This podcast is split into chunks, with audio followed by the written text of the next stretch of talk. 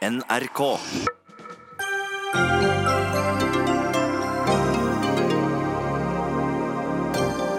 Mens KrF er i regjeringsforhandlinger, etablerer partiets tapende side et eget nettverk der partileder Knut Arild Hareide skal åpne første konferanse. Er det greit, eller? Ulv, ulv og enda mindre ulv. Stordemonstrasjon mot regjeringens rovdyrpolitikk. En politikk landbruksministeren skal forsvare i Dagsnytt 18. Er, flere barn, er det egentlig flere barn vi trenger, slik statsministeren sa i nyttårstalen? Slett ikke, sier en SSB-topp. Og jo da, og vi trenger enda flere barn, sier sjeføkonom. Og bankene, vel, de minner mer og mer om dagligvarebutikker, der de kjemper mot hverandre om pris på lån, sier NHH-professor, og møter finansbransjen til debatt hos oss.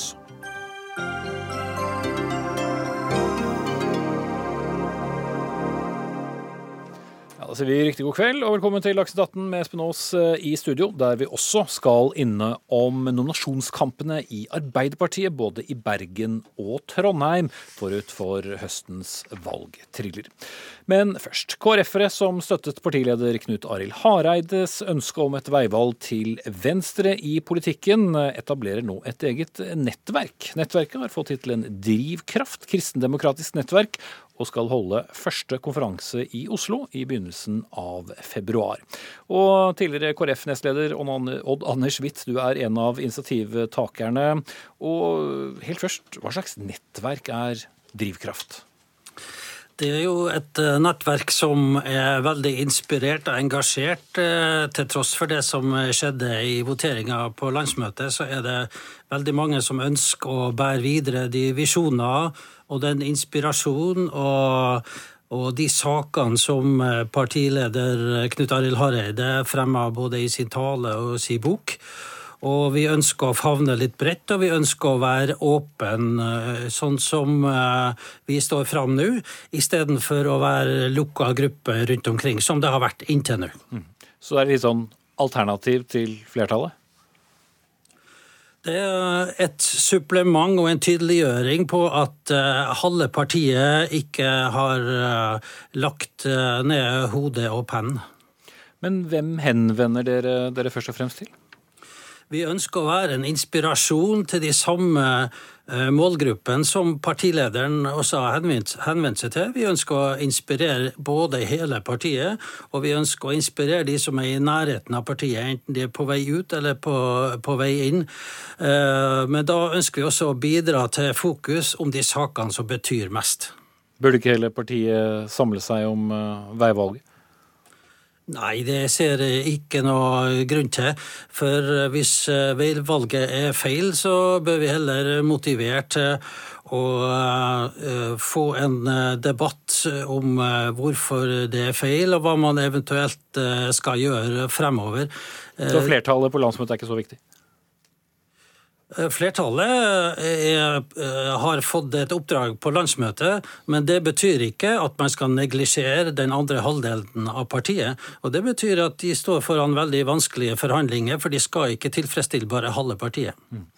Ifølge Dagbladet er det flere på den andre siden, altså høyresiden, som har reagert på dette. Også du, Vebjørn Selbekk, stadig sjefredaktør i Dagen. Eh, Hvorfor ikke? Altså, dette opplever jeg som en eh, som fraksjonsvirksomhet, eh, helt klart. Dette er en eh, organisert gruppe nå i partiet som Hvitt sier, man kjemper, han sier det TV 2 i dag, at målet er å påvirke KrF til å velge den andre siden.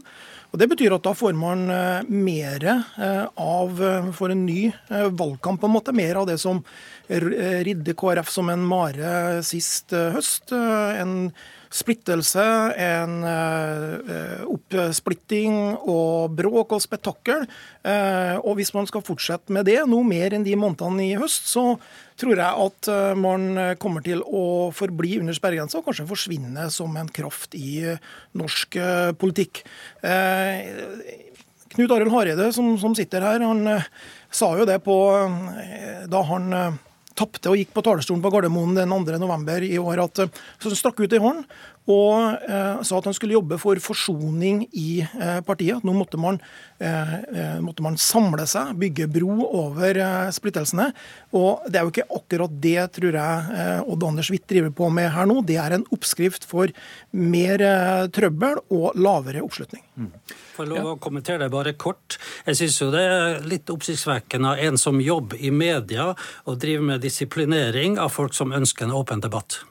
Ja, nei, men altså, Det er jo helt strålende for oss i media. Det er jo, det er jo ikke noe med, det, Man må gjerne fortsette å krangle og lage leven i, i Kristelig Folkeparti. Vi skal få mye å skrive om uh, i aviser og, og, og, snakke om på radio da.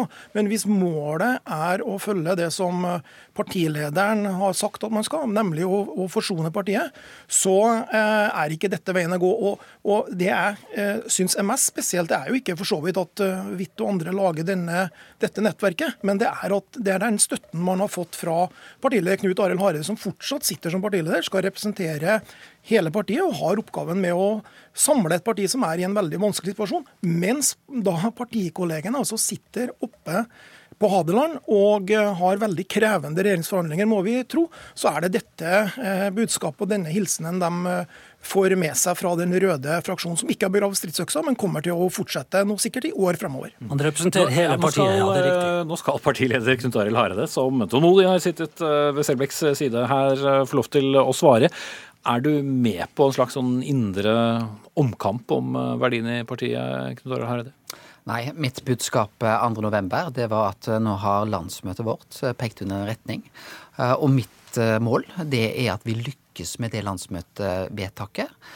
De pekte da på at vi skal gå inn i regjeringa Solberg, og det pågår nå forhandling om det. Jeg har gjort det jeg kunne for at vi skal lykkes med det.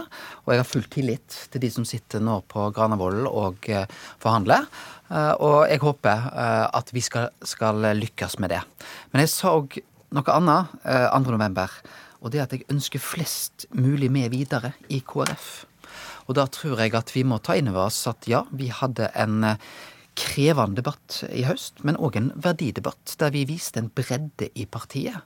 Og jeg tror skal vi lykkes videre, så må vi ha hele partiet med oss i størst mulig grad. At det vil være noen avskalling, ja, eh, det kommer vi nok til å oppleve. Men jeg opplever at dette initiativet, som ikke jeg kjenner detaljene i, men når jeg blir invitert til å få lov til å snakke om nettopp verdipolitikk, eh, om menneskeverdet, eh, om hvorfor kristendommen har en spesiell plass i vårt samfunn, og hva det betyr, så må jeg benytte meg av det. Men hvis den røde siden skal fortsette å ja, på en måte dyrke de tingene du, du ønsket deg på samme tid som partiet også skal, skal inn i regjering og bli en del av den sammen med Høyre, Fremskrittspartiet og Venstre. Hvordan forener det da partiet? Ja, Vi må jo følge opp det landsmøtet har gjort, men jeg tror nettopp at vi trenger bredden med oss videre. Og det er jo sånn at eh, det er jo ulike deler som vil prege et parti. Og vi, vi har en eh, annet en tankesmie som heter Skaperkraft, som ligger til sentrum Høyre som er med på å prege KrF. Civita har vært med å prege KrF. Agenda er med på å prege KrF. Den type aktører, og òg da drivkraft, må kunne være med å påvirke KrF. Men ingen av de er dreven av KrF. Eh, KrF eh, driver vårt arbeid. Vi driver i mål, eh, følger opp det vårt landsmøte har påpekt. Og jeg stiller opp på mange ulike arenaer der jeg får lov til å snakke om KrFs gode politikk for menneskeverdet, for nettopp de mest sårbare i vårt samfunn. Og jeg må jo òg si at den verdidebatten jeg var med på å løfte opp i høst, den er viktig. Jeg tror der populismen preger oss mer, så trenger vi å sette ned noen stengsler òg mot det. Ja, det var med på en debatt, og den den verdidebatten den skal få lov til å leve i KrF, men vi har gjort noen strategiske valg som vil få betydning mot 2021. Ok, Selbekk. Ja, men Det som eh, er spesielt med, med den gruppa Drivkraft, og som er en forskjell på den og Skaperkraft og Oslo Symposium, som er nevnt av andre, det er jo at, eh, at Drivkraft er en partiintern gruppe. Der er det bare KrF-ere. Bare KrF-ere på, på rød, rød, side. Ja, men vi, vi hører jo Odd Anders Witt eh, sier her at veivalget er feil. Målet er å påvirke KrF til å velge den andre siden, som er sagt i tv2.no i dag.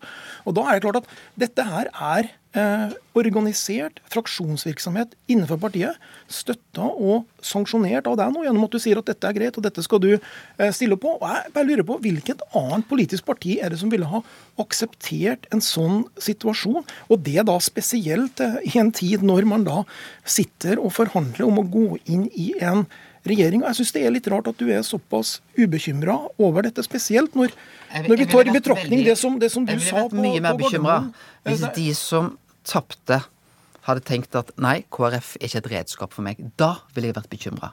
Det at nå mange av de engasjerer seg i KrF og sier at vi ønsker å være med videre, de vet veldig godt hva valg vårt landsmøte har gjort. Og jeg sa jo 2.11. at jeg skal gjøre det jeg kan for at flest mulig skal bli med videre. Og for meg er det viktig å vise nettopp Dette er det. Eh, dette er et eksempel på det. Men jeg har lyst til å si det, når jeg stiller opp på den type arrangement, Oslo Symposium blir nevnt Jeg stiller jo ikke meg bak nødvendigvis 100% av agendaen til Oslo Symposium. Uh, Oslo Symposium, der var det jo sånn at de ønsket jo en regjering, en blå-blå regjering videre. Sjøl stilte jeg opp der i 2017, selv om de ønsket Fremskrittspartiet i regjering. Vi gikk jo til valg på en regjering uten Fremskrittspartiet. Det var jo min lovnad til velgerne. Men jeg stilte jo opp på det arrangementet. Hva som er Drivkraft sin agenda, Eh, det må jo de som er initiativtaker der til. Men at jeg stiller opp på ulike arenaer. Det er helt naturlig for meg. Men Hva blir din rolle fremover nå, da, Hareide? Altså, nå skal jo selvfølgelig disse forhandlingene gjøre seg eh, ferdig under ledelse av Kinegolf Ropstad, men, men, hva ser du for deg så? Nei, For meg er det jo viktig nettopp å bidra til at flest mulig engasjerer seg i KrF. Ser på KrF som et, eh, nettopp et politisk redskap. Og jeg syns vi har lykkes ganske godt i etterkant av 2. november. Og jeg er glad for flest mulig. Selvfølgelig er det lettere for de som vant å engasjere seg. De fikk en inspirasjon ut av det. Men jeg er òg glad for at så mange av de som, som tapte det veivalget, er med videre. Og at de kommer til å jobbe for noen av sitt politiske arbeid. Det er helt naturlig. Nå har vi publisert en måling her i NRK. Ble lagt ut på nett for tolv minutter siden, hvor oppslutningen deres nå er stadig under sperregrensen. 3,7 frem et halvt prosentpoeng, men innenfor eh, feilmarginen. Så det er kanskje ikke så lett å tolke det. Jeg tror vi skal være forsiktige med å legge for mye vekt på, på målinger nå. Men det er klart at vårt mål er at når vi kommer i mål med det som er vårt landsmøtevedtak, at vi får gode politiske resultat på menneskeverd, på familiepolitikken, når vi ser fødselstallene er på vei ned på et rekordlavt nivå, så ser mange verdien av KrFs politikk. Og det må jo være vårt mål, at det er det som skaper en entusiasme. Ser behovet for det partiet. Så tror jeg det er ganske naturlig at ikke det er den entusiasmen eh, før vi kommer i mål og får vist det nettopp de politiske resultatene. Den analysen deler du kanskje, Selbekk, men du er også litt bekymret da for hva f.eks. Eh, disse nettverkene kan ha å si samtidig? Ja, ikke sant. 3,7 illustrerer jo fortsatt eh, at KrF har et stort problem. Hadde det blitt eh, valgresultat, så er det vel bare et par vestlandsfylker der KrF hadde vært representert, og ellers hadde vært eh, helt eh, utradert. Og er det noe vi vet eh, om politikk, så er det det at internt bråk, spetakkel, stadige omkamper, personkonflikter, bakvaskelse, alt dette her, det bidrar til å få ned oppslutninga om et parti. Arbeiderpartiet er vel kanskje det klareste eksempelet på hvordan dette eh, koster velgere. Og jeg tror at det, den typen eh, fraksjonsvirksomhet nå, det er en, eh, en eh, klar oppskrift på ytterligere nedgang. Og dessverre så er det også en situasjon der, der også partilederen er med og bidrar til det. Og det syns jeg er et stort uh, tankekors. Men, men, jeg er jo med på å løfte våre verdispørsmål. Så har vi sett uh, det siste året så har vi hatt en markant oppgang på målingene. Det var etter min tale 28.9, der jeg løfta viktige verdisaker. Da gikk vi markert fram eh, på målingene. Så tror jeg, uavhengig av hvilken avklaring vi har gjort, så tror jeg vi kan være med på å sikre eh, økt oppslutning. Nå vant, eh, kall det blå fløy. Eh, da får vi en eh, avklaring, og vi håper at det blir resultatet av de regjeringsforhandlingene som, som ligger. Og det vil òg gi en tydelighet, og det tror jeg er positivt. Vi må få rette opp, flere må få rette opp en feil før vi avslutter. Ja, men det er viktig. Vi er ikke en partiintern gruppe. Vi er en mye bredere gruppe enn som så. Og i tillegg så støtter vi jo verdier og en partileder som er utbredt i KrF, ikke bare i venstresida i KrF som støtter, men vi okay. frykter at det her undergraves med det som skjer nå. Takk skal du ha, Odd Andersvitt. Også takk til Weber Selbekk, sjefredaktør i Dagen, og Knut Arild Hareide, partileder i KrF. Og skal vi si det med Star Wars, så får drivkraften være med deg.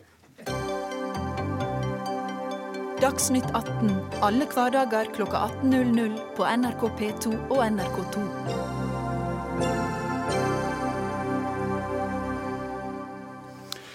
Skulle noen ha forvillet seg ned i Oslo sentrum i dag, så er de i hvert fall ikke alene. For uh, der har det startet, uh, skal vi tro, et uh, ganske stort fakkeltog mot regjeringens rovdyrpolitikk. Og det er særlig ulv som står i sentrum.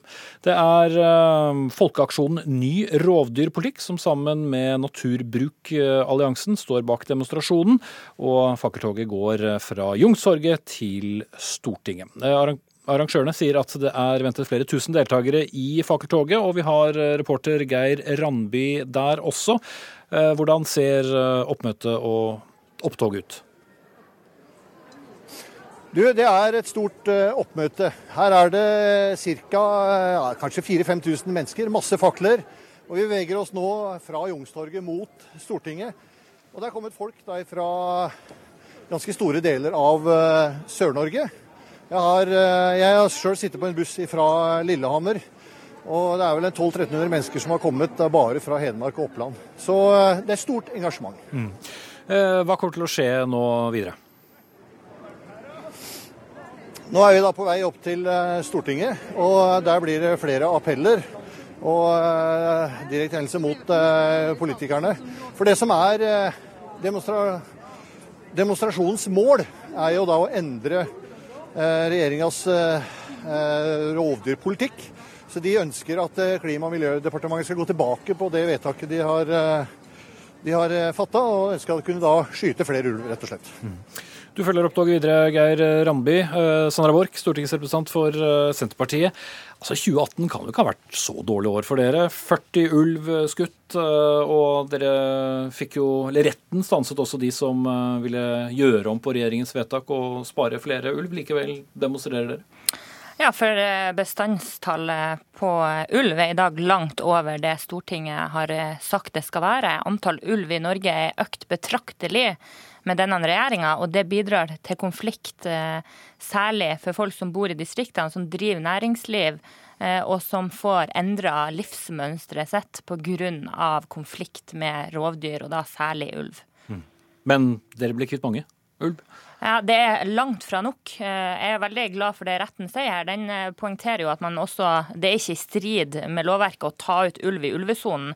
Og vi ser jo at med denne regjeringa så har ulvesonen nesten eller det er blitt nærmest et eh, ulvereservat. Eh, så jeg er veldig glad for at retten har, har eh, sagt det de har sagt. Men, eh, men, dere er fortsatt ikke fornøyd? Nei, vi er fortsatt ikke fornøyd. Og jeg syns det er et overtramp eh, overfor lokaldemokratiet, de lokale rovviltnemndene og folket som bor i disse områdene, å ikke ta ut, ta ut flere ulv. Mm. Den som skal forsvare politikken, det er deg, Bård Hoksrud, landbruks- og matminister. Er det for mange ulv? Jeg har stor forståelse for den bekymringa som mange har som bor rundt i distriktene, og som er opptatt av dette med ulvepolitikken. Men det er altså sånn at det er aldri tatt ut flere ulv enn det vi nå gjør. Og så har jeg lyst til å poengtere at uh, vi i tillegg uh, har altså for første gang gått inn i ulvesona. Vi har altså Regjeringa sagt nå at Landbruksdirektoratet skal aktivt med når eh, rovviltnemndene i framtida kommer med forvaltningsplanene sine. Det klarte ikke Senterpartiet når de satt i regjering å få til. Nå skal altså Landbruksdirektoratet eh, og landbruksmyndighetene mye tettere på. Det er kjempeviktig. Og så er det jo sånn at man må se hvem er det Senterpartiet skal samarbeide med. Hva skjedde under de rød-grønne? Altså I 2012-2003 så valgte altså Miljøverndepartementet, da satt Senterpartiet med landbruksministeren, å ikke ta ut fire ulver. Det vi nå gjør, er at vi for første gang altså går inn i ulvesonen, tar ut Slettåsflokken. Og man ser altså at man gjør det effektive, på en effektiv måte fordi vi har bevilga mer penger til SNO. Eh, vi har sørga for at kommunene skal få lov til å å få klageadgang på uh, dette området her. Og det er helt nye ting. Men det er jo ikke noe jubelgjeng som eh, går fra Youngstorget til Stortinget Nei, nå? Det, ja, altså, jeg har stor forståelse for det, men jeg har lyst til å si altså, at man for første gang nå går inn som sagt, i ulvesonen og gjør det Men de burde vært fornøyd? Burde Borch og ja, altså, de... Senterpartiet og Sandra Borch, det er klart hun ønsker, og de ønsker å fyre opp under dette her, men man må jo se hvem skal Hvorfor ønsker de seg? Jo, jo, men det er jo fordi Senterpartiet later som at de er opptatt av å gjøre dette, men jeg viser altså dokumenterer at Senterpartiet ikke klarte å ta ut ulv når de satt i regjering. Og så er det altså sånn at Senterpartiet skal samarbeide med Miljøpartiet De Grønne, og de skal samarbeide med SV, som ønsker at det skal være enda, Yndlingspartiene dine, Sandra Borch. Det er jo en ansvarsfraskrivelse å vise så langt tilbake. Altså, bare til en sammenligning, da, så gikk jeg på ungdomsskolen. Det er nye politikere. Vi, Senterpartiet har, er, har en mye større oppslutning i dag, og mye større kraft. Eh, vi har en regjering i dag som overkjører distriktene, som overkjører befolkninga. Men det blir vel alle regjeringer beskyldt for? gjør det ikke det? Jo, men se det distriktsopprøret vi er vitne til her. Og så må jeg jo få spørre Hoksrud, fordi du har altså representanter fra Frp som i dag skal stå på den talerstolen eh, og snakke mot regjeringa sin rovdyrpolitikk. Dere driver jo her og snakker med to tunge. Eh, Frp må jo nå bestemme seg. I regjering, er ulvepolitikken viktig nok for Frp? Ja, da får man bestandsmålet ned på det Stortinget har sagt det skal være. Jeg registrerer at Sandra Borch ikke vil prate om hvem hun skal eh, få til dette her sammen med. Da må, da må faktisk, da må faktisk eh, se med denne regjeringa, som også tar ut flere ulv enn det noen gang er gjort. Men det er jo riktig at det er jo mange jo, jo, i Frp som er jo, jeg, enig med Senterpartiet når det gjelder ulv. forståelse for det, men regjeringa må også følge opp det todelte målet som, som, Stortinget har vedtatt.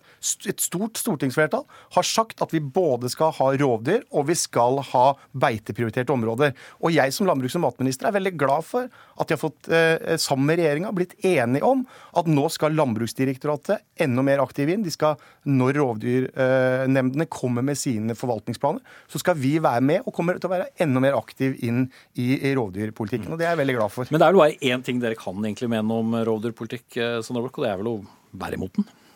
Eh, vi, vi, ønsker jo at man skal følge det vedtaket Stortinget har gjort. Eh, bestandsmålet på ulv i dag er langt over det Stortinget har sagt eh, det skal være. Det er det minste man bør kunne forvente av en regjering, at de følger opp stortingsvedtaket. Og så er jeg veldig glad for at Hoksrud tar opp den todelte målsettinga, hvor man både skal prioritere beitedyr og rovdyr. Denne regjeringa har valgt å prioritere rovdyrene foran beitedyrene. Det ser du i Nord-Østerdalen. Har de det når de har skutt 40 ulv? Nei, men du ser det i Nord-Østerdal nå. Uh, ulvesonene er full av ulv. Det er ikke plass til mer ulv i ulvesona. Allikevel så velger man å bare ta ut to ulv, enda bestandsmålet er langt over det det skal være. Så du har tatt ut feil ulv? Eh, nei, Slettås burde vært tatt ut. Men eh, regjeringa burde hørt på de lokale rovviltnemndene og også tatt ut Hobøl og Mangen. Mm. Ja, men Jeg, jeg syns det er viktig at man aldri har tatt ut så mange ulv. Vi tar ut i ulvesonen. Ja, okay, det det er, jo, men, så, dette er viktig, fordi det, det, er første gang vi faktisk gjør det i ulvesonen. Jo da, men det, det har du sagt. Jo, men, men, er, det, men, men, er, er, er, det, det antall ulv i Norge nå som du og regjeringen er da tilfreds med, som er det Sandra Borch spør om? Nå har vi jo da gjort dette her. Og så vil jo det Vi driver jo fortsatt med dette. og Vi har, vi har bl.a. god dialog nå fra eh, Landbruksdepartementet, Klima- og miljøverndepartementet og utmarkskommunene i Norge altså US-kommunene, som, som, er utmarkskommuner, som er veldig opptatt av dette med ulvepolitikken. Og der jobber vi sammen for å se på hvordan kan vi redusere konfliktene. Hvilke tiltak kan vi gjøre for Betyr å Betyr det at dere kan vurdere da å ta ut ja, flere? Vi, vi vurderer jo flere tiltak, og vi har god dialog med eh, representanter for, for utmarkskommunene. Nettopp fordi det er viktig å se hvordan skal vi gjøre dette videre. Og som jeg sier, vi har også bevilga mer penger til SNO, som er de som altså har ansvaret for å, å sørge for å ta ut ulv, sammen med lokale, eh, lokale jaktlag osv., men det er de som har ansvaret. I tillegg så har vi altså bevilga 10 millioner kroner mer til FTK-tiltak, altså for å få ned konfliktene. Så vi gjør veldig mye, i tillegg til at vi tar ut mer ulv enn noen gang har gjort. Mm. Også, og som Sandra Borch Clausen, når de satt i regjering, så sier jo, jo, men nå er det, jo, men, prøve, fem år siden, jo, men, men, hun vil gjerne prøve å skyve det vekk. Men du skal jo samarbeide. Jo, men, kan du ikke spørre da om hvem, hvordan skal vi få gjennom dette med Miljøpartiet De Grønne, SV og Rødt, som vil ha mer ulv? Ja, Der vil du uansett eh, slite, men jeg gjetter vel likevel at dette kommer til å være en viktig valgkampsak nå, først inn i uh, lokalvalget til høsten og de neste to årene, uansett hva Arbeiderpartiet sier? Ja, dette kommer til å være en viktig sak for Senterpartiet. og Vi har fremma en rekke forslag. Det er også en del forslag som skal behandles eh, nå i januar. Men jeg må få si, eh, når Hoksrud sier at det aldri har vært tatt ut mer ulv i Norge, men det er jo fordi at det aldri har vært så mye ulv som det har vært i Norge med denne regjeringa. Over fem år med denne regjeringa så har antall ulv økt med nesten over 40 mm. Det er realiteten. Så det skulle jo bare mangle at dere i, dag, i år økte det antallet. Men det er ikke nok. Vi De sender vel ikke over grensen? Nei, men Nå ligger bestandsmålet på 10,5 Nei, bestandstallet i Norge ligger på 10,5. Det er det de offisielle tallene på Rovdata eh, sier. Om Hoksrud velger å forholde seg til noe annet, det får han svare for. Eh, men, og bestandsmålet er i dag på fire til seks ynglinger. Altså bestandstallet er dobbelt så høyt som det skal være. Allikevel ønsker ikke regjeringa å ta ut mer. Nå skal jeg uh, stoppe dere litt, og så skal jeg ta inn en tredjemann i studio, nemlig Andreas Slettholm, kommentator i uh, Aftenposten, som har engasjert seg i rovdyrdebatten, og spesielt det som handler om ulv. Og hvis du skal ta denne debatten som nettopp har hørt, hvordan illustrerer den norsk ulvedebatt? Nei, den uh, illustrerer jo i hvert fall delvis da, at, eh, at uh, med unntak av Senterpartiet på den ene siden og, og SV og MDG og Venstre på den andre, så er dette en vanskelig sak for, eh, for mange partier. Det er jo et eh, betydelig eh, lokalt engasjement eh, mot ulven i Fremskrittspartiet, også i Høyre. Eh, også Arbeiderpartiet har slitt med denne eh, dimensjonen. sånn at dette er, dette, er, jo delvis en sak som, som går litt sånn på tvers av Eller som, med, som viser spenninger internt i mange partier.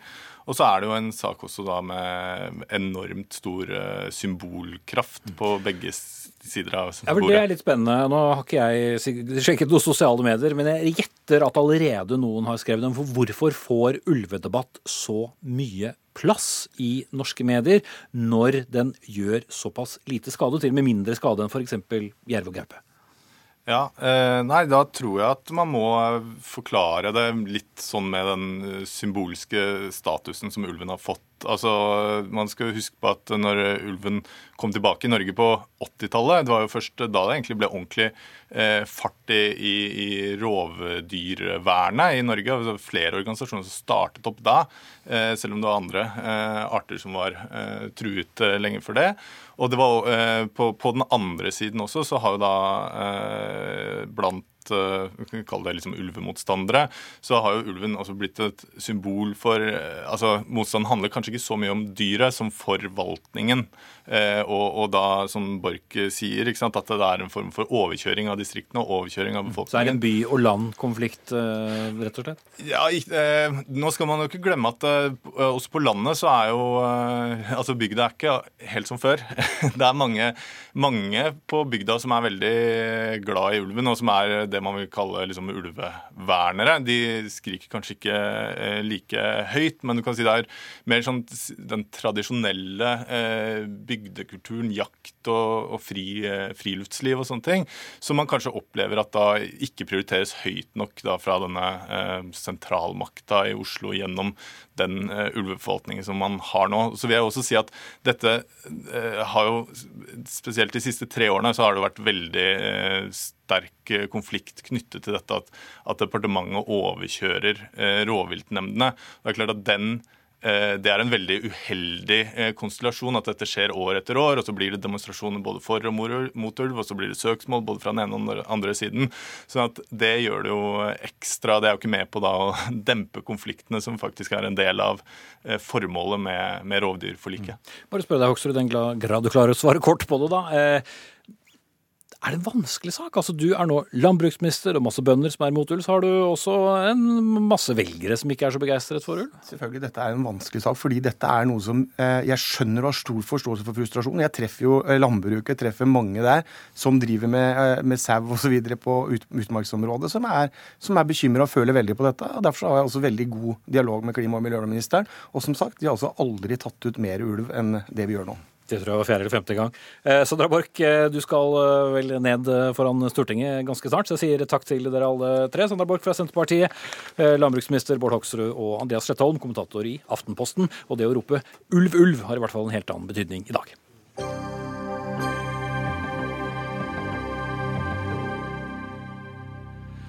Vi skal snakke mer politikk. Nå skal vi snakke lokalpolitikk. For det i hvert fall synes vi at det begynner å nærme seg lokalvalg. Vi merker i hvert fall at ting er i gjære. Og kampen om storbyene er veldig, veldig viktig. Ikke minst for de to største partiene, Høyre og Arbeiderpartiet, og selvsagt også de andre. Men hvem får til sjuende og sist makten i f.eks.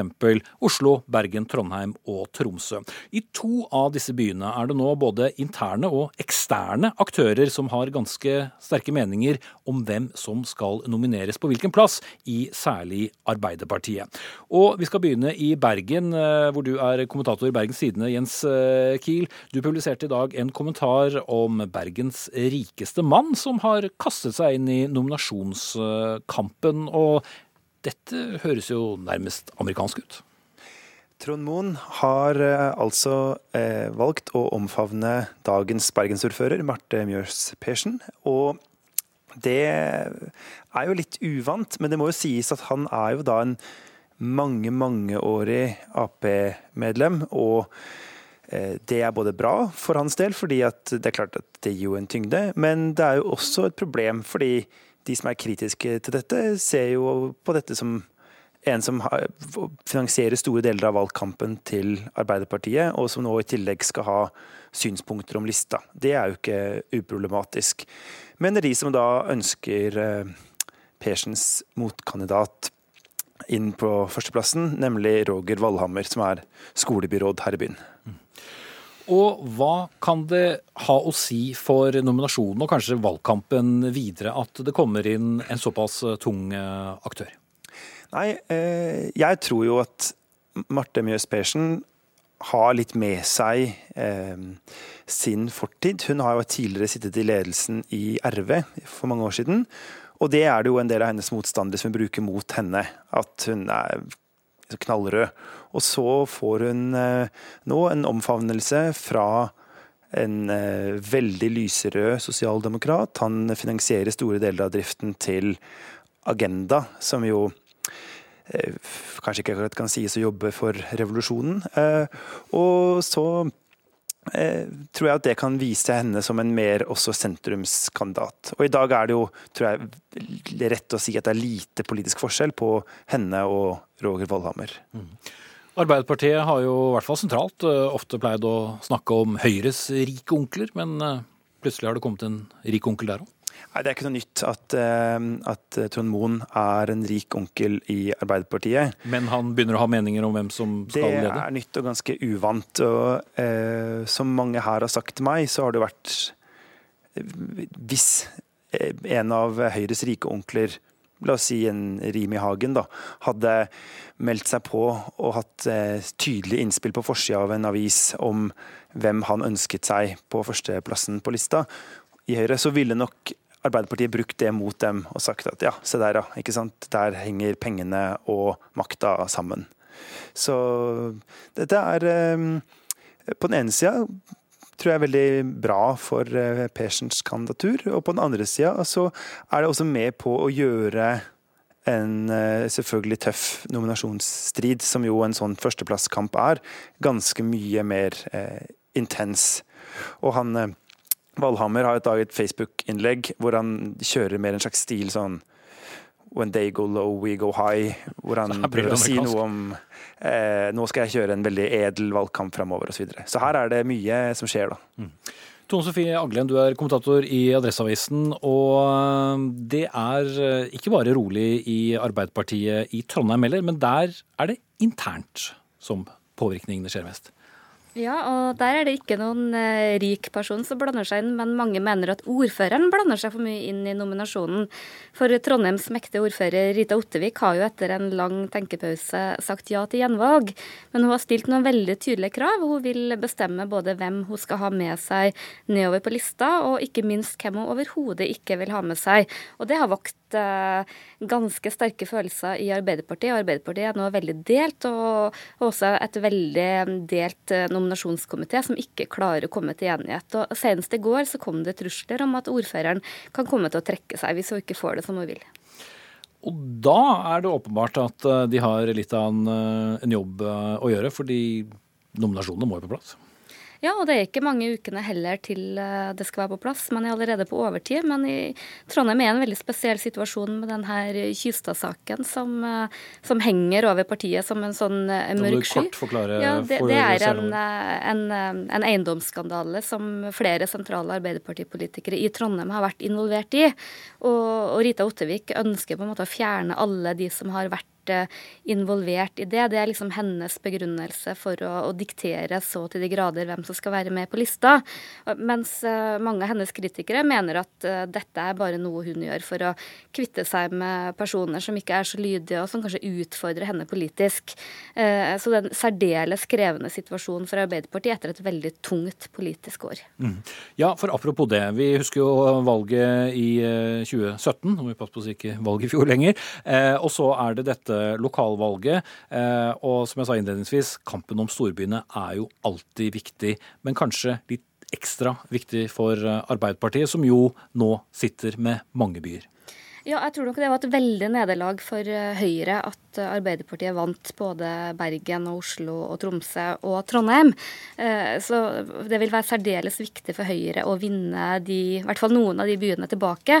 Samtidig så tror jeg det betyr veldig mye for Arbeiderpartiet å, å fortsatt styre storbyene. Det handler både om å, å, ha et utstillingsvindu, et sted man kan få utvikla politikken sin. Jeg tror det betyr ganske mye for Støre å faktisk vise til resultater. Jeg tror det kan bli veldig mye misnøye i partiet hvis man taper mange av disse byene. Og ikke minst så er det veldig mange velgere her. Og vi bruker jo å si det i Trøndelag, at vinner man Trondheim, så vinner man også fylket. Så det betyr veldig mye, og jeg tror det kommer til å være kanskje en av hovedsakene i valgkampen i år. Mm. For selv om det er sterke profiler i alle disse byene, så kan det likevel slå tilbake mot partiet sentralt hvis uh, ikke valget går uh, som de håper?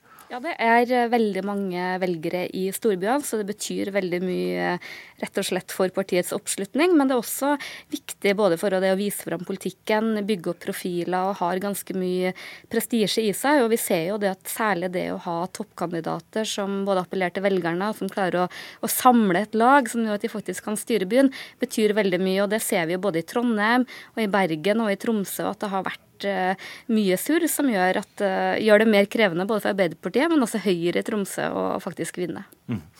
Som min gode gamle kollega Geir Hellesen kanskje ville ha sagt, det er bare 244 dager igjen til eh, valglokalene åpnes. Takk til Tonsvi Aglen fra Adresseavisen og Jens Kiel fra Bergens Tidende.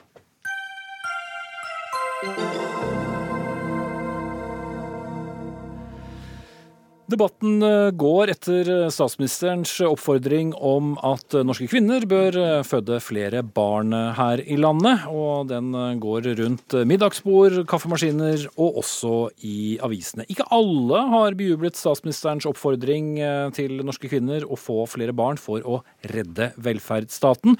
For hvis man snur på det, så koster også gjennomsnittsnordmannen mer enn den tjener tilbake i samfunnet. I hvert fall uh, sier du det, Erling Holmøy, seniorforsker i Statistisk eh, sentralbyrå. Skal vi da egentlig være fornøyd med at vi har lavere fødselstall? Nei, det er mange gode grunner til å få barn. Og jeg tror veldig mange av de som vurderer å få barn, er kjent med de grunnene. Men det jeg har uttalt meg, er rett og slett det spørsmålet om flere fødsler gjør det lettere å finansiere velferdsutgiftene for staten og kommunene fremover. Og da er det tre momenter som jeg syns eh, man må ta hensyn til, som jeg syns er veldig avgjørende. Og Det ene er at selv om man får flere fødsler, og man ser på en varig økning i fødselstallet, så må man tenke på at også de unge forsørges i stor grad eh, av de yrkesaktive, i tillegg til de gamle. Og de skal ha barnehager, skoler, SFO, barnetrygd osv. Slik at uh, Det er faktisk sånn at uh, hvis man sammenligner forholdet mellom potensielt yrkesaktive og resten av befolkningen, det vil jo falle fordi vi får uh, økende levealder blant de gamle. Men hvis vi ser på hvordan det varierer med hensyn til fruktbarhet eller fødsler, så er det slik at etter 65 år så har det ingenting å si. Hvis vi ser på de alternativene som SSB har regnet på i sine befolkningsfremskrivninger. Det er tall som har ligget der lenge. Hva, hva, mener du med at det har ingenting å si? Nei, Det vil si at det forholdet mellom potensielt yrkesaktive, altså de som er mellom 20 og 66 år, i forhold til resten, de som er yngre og eldre enn det, det er upåvirket av fødsel etter 65 år. Og før det så går virkningen motsatt vei av det man da håper på. Det blir flere å forsørge per de som skal, er i yrkesaktiv alder. Det er det ene. Og Det er et viktig premiss. Det, sier, det er en første tilnærming til spørsmålet. For foreløpig har vi ikke ganget opp med noen kroner. Eh, det andre er at eh, de beregningene som vi har tidligere gjort for bl.a. innvandrere, da sammenlignet vi også med hva norskfødte koster staten og kommunene i løpet av livet sitt. Ikke samfunnet, men offentlige finanser. Og Da er det slik at i gjennomsnitt så etterlater en norskfødt seg i snitt 8 millioner kroner i en ubetalt skatteregning ved livets slutt. Det er gjennomsnitt over kvinner og mann. Det er ganske stor forskjell på de. Så har vi råd til dette her i Norge. En, ikke dette, men vi har råd til et visst underskudd fordi vi har disse oljepengene som vi skal bruke til å finansiere et sånt underskudd. Men de dekker ca. bare halvparten av de, av de 8 millionene eh, som man drar på seg i løpet av et liv. Mm. Så da går en minus? Da går man minus. Og det siste poenget er at når vi snakker om flere fødsler, så, så blir det ganske store forskjeller i folkemengden. Og da blir de oljepengene som vi kan bruke i henhold til handlingsregelen, de blir vannet ut på den måten at det blir mindre av dem per innbygger.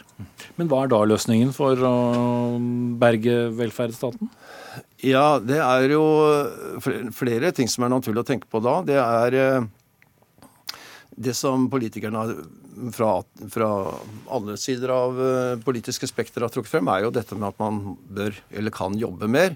Og det er det veldig mange grunner til å ønske seg, at man skal jobbe mer enn man faktisk vil. Nå er det kanskje vanskelig å få det til. Folk vil ha velstand også i form av økte ferier, og sekstimersdagen er jo blitt en, en kampsak for, for, mange.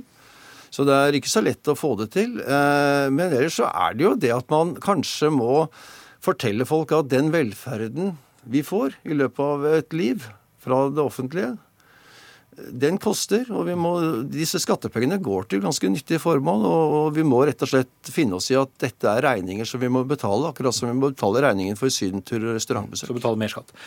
Jan Ludvig Andresen, du er sjeføkonom i Eika, men eh, du har litt motsatt syn eh, på det hele. Og i eh, Dagens Næringsliv så mente du at hun burde dratt enda mer. Vi må få masse barn. Ja, eh, Nå gir jeg honnør til statsministeren for å ha tatt opp spørsmålet litt bredde. Eh, det er et veldig viktig spørsmål eh, om hvordan Norge skal, hvordan Norge skal utvikle seg. Og jeg tror det å se på statsfinansene alene blir litt snevert. Så, så, saken er den at vi har fallende fødselstall i Norge og veldig lave fertilitetstall. Altså forventede antall barn per kvinne.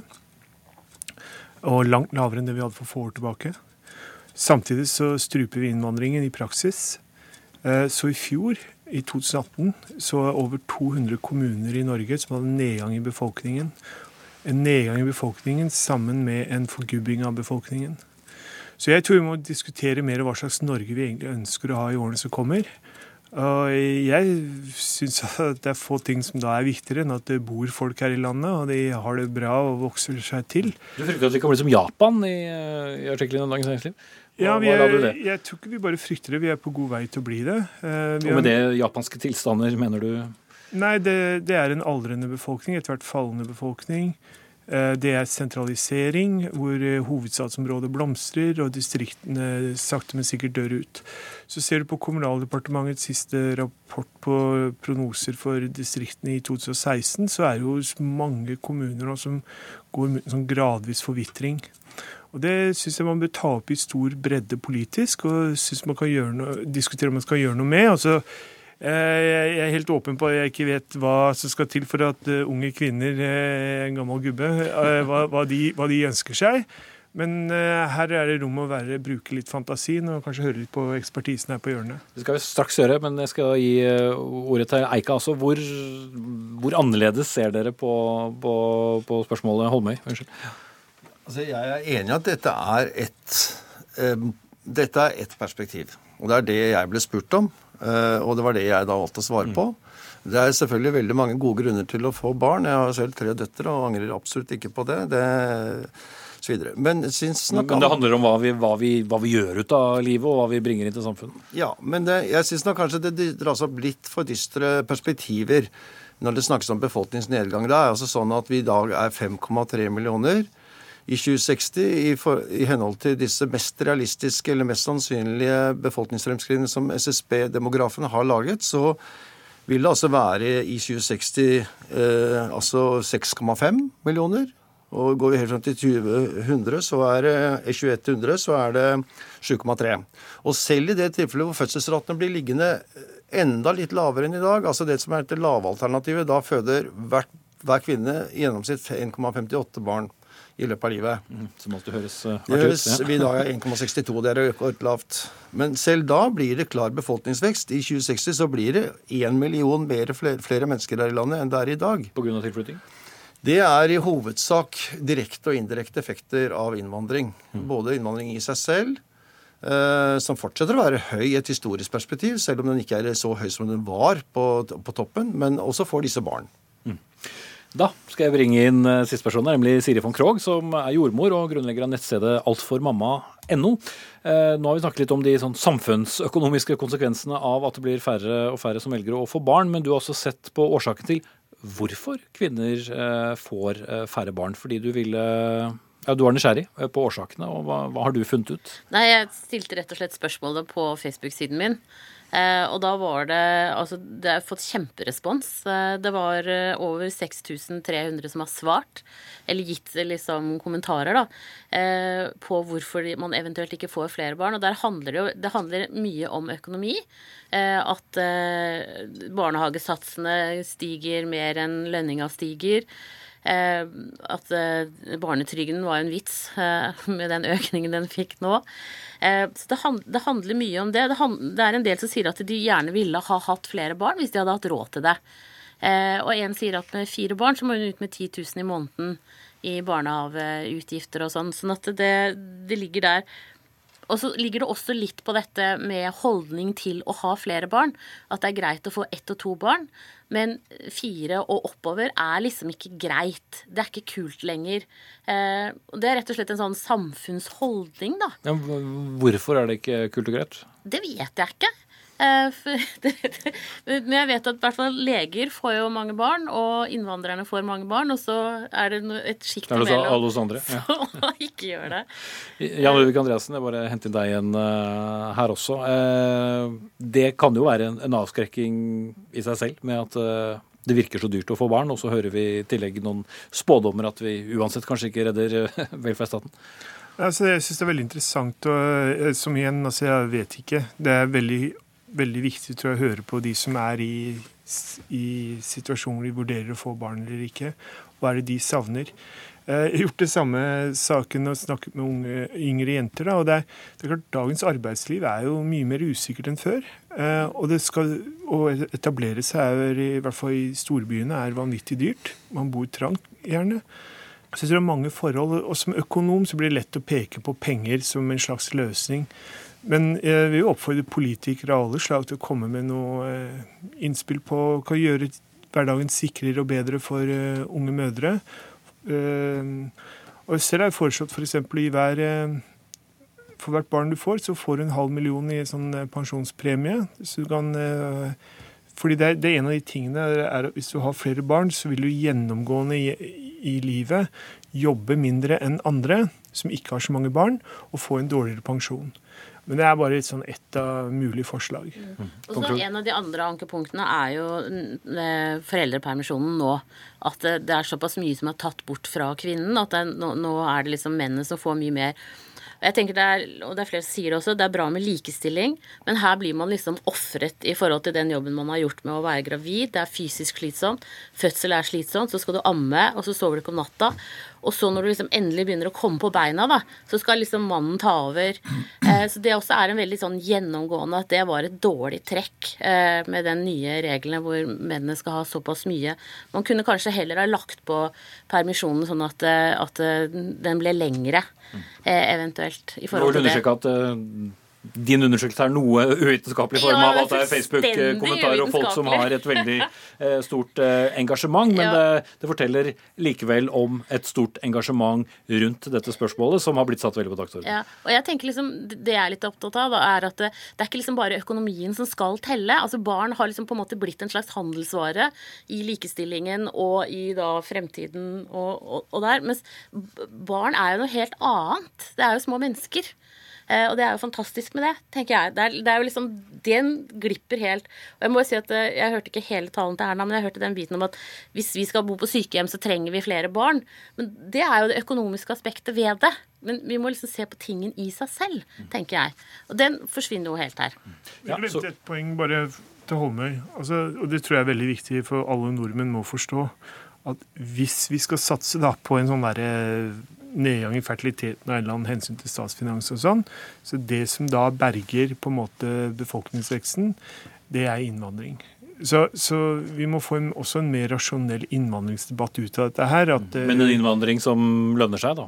Ja, på en eller annen måte Altså Det er litt pussig hvis presumptivt vi tar imot flyktninger, vi skal betale for det, hjelpe, eh, og så klager man på at det ikke lønner seg. Altså, men i tillegg til det vi gjør for flyktninger, så bør vi også tenke på å ta inn da eh, hvem som helst i verden som har lyst til å bosette seg i Nord-Norge og jobbe hardt osv. Ha, ha mye mer sånn, og det, Sånne programmer har jo USA, Australia og andre land. Og vi, vi må bli mer opportunistiske og mer ivrige da, på, på å tiltrekke oss folk til Norge hvis det er slik at vi skal satse på lave fertilitetstall. Holmøy, veldig kort til slutt. Jeg har ikke sagt noe om hva vi skal satse på. Jeg har bare rett og slett prøvd å, å trekke konsekvensen av tre, tre, altså noen fakta og noen sånn logiske eh, implikasjoner av dette her. Er altså, det er ikke noe satsingsprosjekt for mitt vedkommende at vi skal få barn. Det er det ikke. Da... Så er jeg skeptisk til dette med at innvandring skal løse det. Det er liksom en annen quick fix. Jeg tror mer på det at man rett og slett må synliggjøre regningen for velferdsstaten på en tøffere måte. Men så har jeg lyst til å si litt ja, det, jeg, jeg, må rett og slett stoppe dere, så får dere ta den på, på, utsiden. Og så får dere fremvoksende slekter bare ta med dere dette tunge ansvaret der og drive dette landet videre. Takk til Erling Holmøy, seniorforsker i Statistisk sentralbyrå, Jan Ludvig Andreassen, sjeføkonom i Eika, og Siri Fogn Krogh, jordmor og grunnlegger av nettstedet Alt for mamma. Hør Dagsnytt 18 når du vil. Radio NRK Radio.nrk.no.